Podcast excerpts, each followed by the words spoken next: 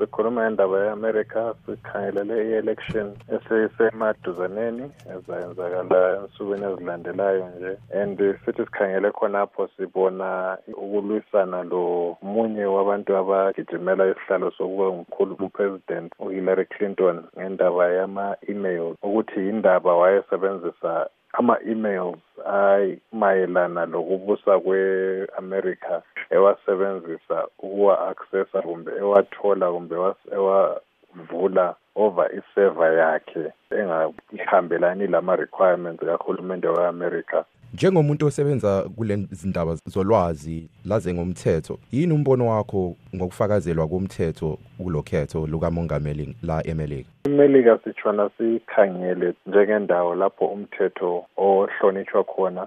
Ngakho-ke inkulumo leyi involve ama-emails ka-clinton kuyinto etshengisa amandla omthetho emelika.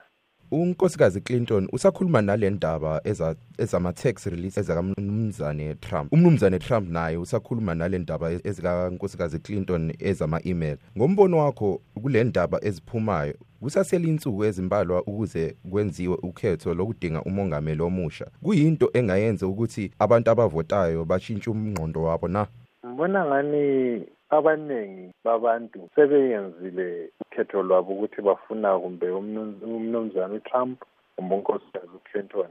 Kodwa okungenzeka ukuthi abalutshwana beyenze isinqumo sokuvotela umuntu phakathi kwabalawo ma-candidate omabili based on impumela yama-investigations awe-FBI ekhangele unkosikazi Clinton kumbe i-IRS nxa iphendla indaba zokungabhadali kwe-tax kukamnumzana uTrump.